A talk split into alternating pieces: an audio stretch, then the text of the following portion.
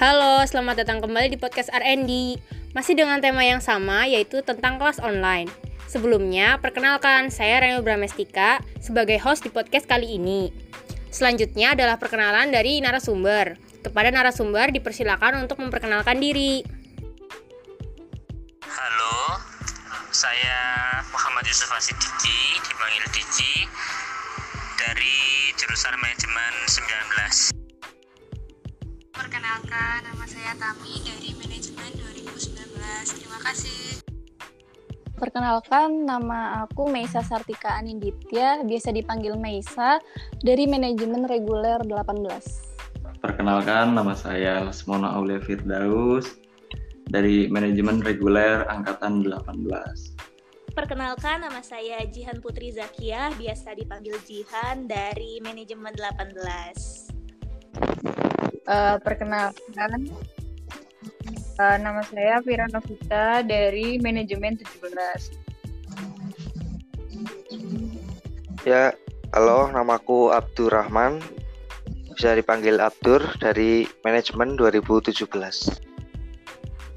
Oke, dimulai dari pertanyaan pertama. Aplikasi apa yang menurut kalian paling mudah dan nyaman untuk digunakan di kelas online?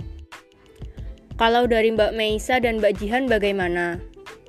Aplikasi yang mudah dan nyaman itu menurut aku uh, uh, Zoom meeting tuh bisa sih sama Google Classroom ini semuanya menurut aku nyaman. Menurut aku sih enaknya pakai itu Google Meet sama Zoom itu kita bisa lebih komunikasi sama teman-teman mahasiswa tuh lebih gampang gitu loh kan lihat oh, apa pakai on cam gitu kan terus juga dosennya jelasinnya tuh jadi audio visual gitu loh. Jadi ada share screennya juga presentasinya kelihatan. Kalau pakai Google Classroom enaknya lagi kita bisa langsung dapat uh, materi yang dosennya kirim. Terus juga cara pengiriman oh, salah pengumpulan apa ini tugas lebih mudah dibanding kalau lewat email gitu kalau untuk aplikasi itu kan tergantung sebenarnya balik lagi ke dosen ya dia lebih menyediakannya ke apa.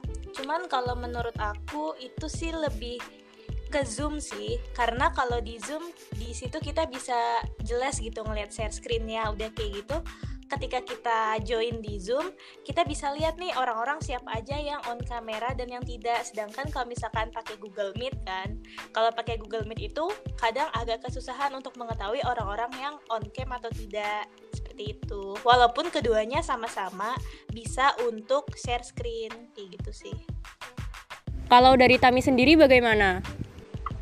Jimit sih kalau aku uh, aplikasinya tuh lebih ringan aja gitu daripada yang lainnya terus uh, uh, apa ngeluarin kuotanya juga nggak banyak terus juga lebih gampang aja sih gitu kalau dari Mas Abdur dan Mbak Vira Novita bagaimana? Kalau untuk koordinasi sih tetap WhatsApp ya, Mbak.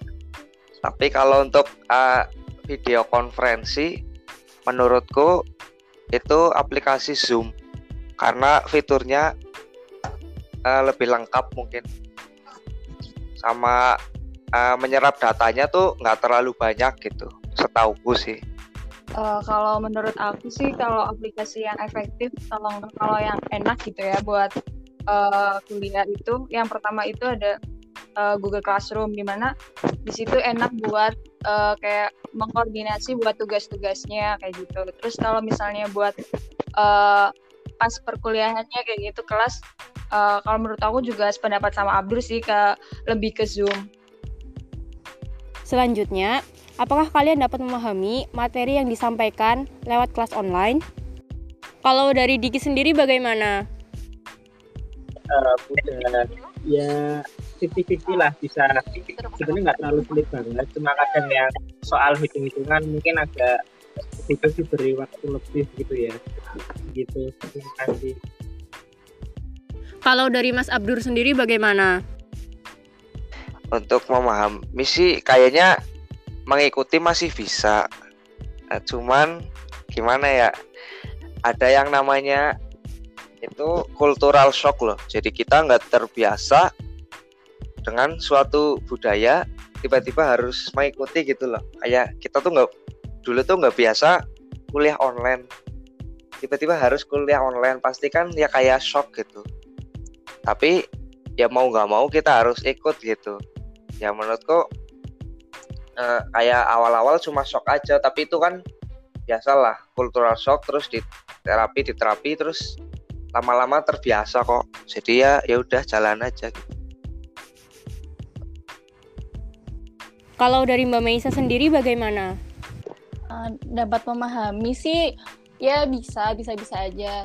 Terus tapi tuh terbalik lagi dari gimana cara dosennya itu uh, ngasih materinya ke kita. Kan tiap dosen tuh ada yang cuma ngasih materi misal cuma lewat uh, e-book gitu. Kita suruh belajar sendiri. Terus juga ada yang beliau itu kayak ngasih presentasi terus dijelasin dan kayak diskusi sama mahasiswa jadi tergantung dari dosennya tuh gimana cara ngasihnya ke kita dan dari kitanya sendiri tuh uh, niat nggak sih atau konsentrasi apa enggak dari untuk apa ya untuk memahami materi dari dosen gitu.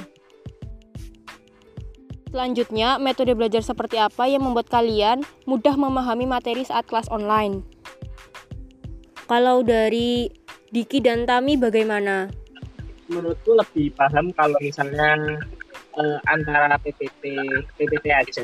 Pokoknya antara PPT atau gurunya terangin. Dan terus nggak nggak kebanyakan tugas. Karena kalau kebanyakan tugas itu biasanya malah nggak jadi belajar loh. Malah terus tugasnya gitu. Uh, kadang emang butuh diterangin benar-benar sama dosen yang kayak misal uh, hitung-hitungan khususnya kayak akuntansi manajemen keuangan kayak gitu. Kayak benar-benar kudu diterangin sampai jelas gitu loh tapi kalau misal kayak uh, cuma materi atau uh, ini aja sih kayaknya cukup dari PPT dan bener kayak kata Diki tadi kalau misalnya kebanyakan tugas tuh malah kayak pikirnya lebih ke tugasnya dan yang penting tuh selesai gitu loh jadi kita nggak mikirin nanti kita tuh dapat apa belajar ini gitu. Kalau dari Mbak Vira Novita sendiri bagaimana? Kalau aku selama semester 6 kemarin yang metode belajar yang paling enak sih menurut aku belum ada gitu ya. Maksudnya rata-rata uh, satu arah kayak gitu loh. Kayak dari dosen cuma ke mahasiswa gitu loh. Paling kalau dari aku belum belum ada ngerasa yang tepat kayak gitu.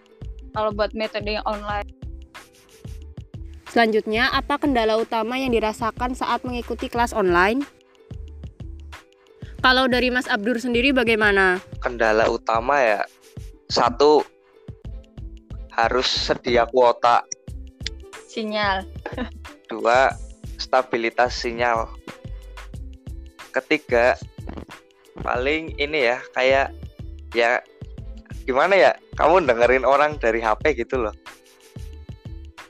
kayak ya belum Bosen terbiasa gitu. aja gitu menangkap sesuatu dari HP apa apa dari HP gitu. Eh biasanya kelas di kelas dengerin oh ya oh ya ini dari HP gitu loh itu sih dari aku. Kalau dari Mas Mono sendiri bagaimana? Gimana ya orang kayaknya semua orang pun tahu gitu untuk masalah online kayak gini kan ya sinyal itu pasti harus bagus juga kan. Kalau misalkan pembelajarannya hanya dari WA misalkan WA group mungkin bisa di uh, diantisipasi oleh yang nggak mesti sinyalnya bagus kan masih bisa gitu kan. Nah ini kan kadang dosen tuh ada yang pengen langsung on cam gitu terus ya pengen bertatap muka langsung kayak itu lewat Zoom misalkan Google Meet. Ya gimana lagi kalau misalkan kita emang daerahnya kurang sinyalnya kan susah juga gitu kan. Nah itu yang pertama. Mungkin yang keduanya ya uh, masalah teknis-teknis lain. Kayak modelnya kita punya laptop misalkan. Tapi ada seseorang mungkin nggak punya atau mungkin HP-nya yang ya bisa dibilang belum bisa memadai untuk melakukan hal-hal seperti itu. Kayak Zoom kayak gitu ta terus misalkan ya kurang compatible mungkin kayak gitu. Nah hal, seperti itu. Dan yang terakhir hal positif apa yang bisa kalian ambil dari adanya kelas online? Kalau dari Mbak Jihan dan Mas Mono bagaimana? Ketika kita belajar dalam kondisi online ini kita lebih banyak mengeksplor hal-hal baru gitu. Karena waktu yang kita punya lebih banyak dan lebih fleksibel. Jadi kita dituntut untuk lebih mandiri dan bisa mencari hal-hal yang selama ini belum bisa kita dapatkan gitu. Manajemen waktunya sih.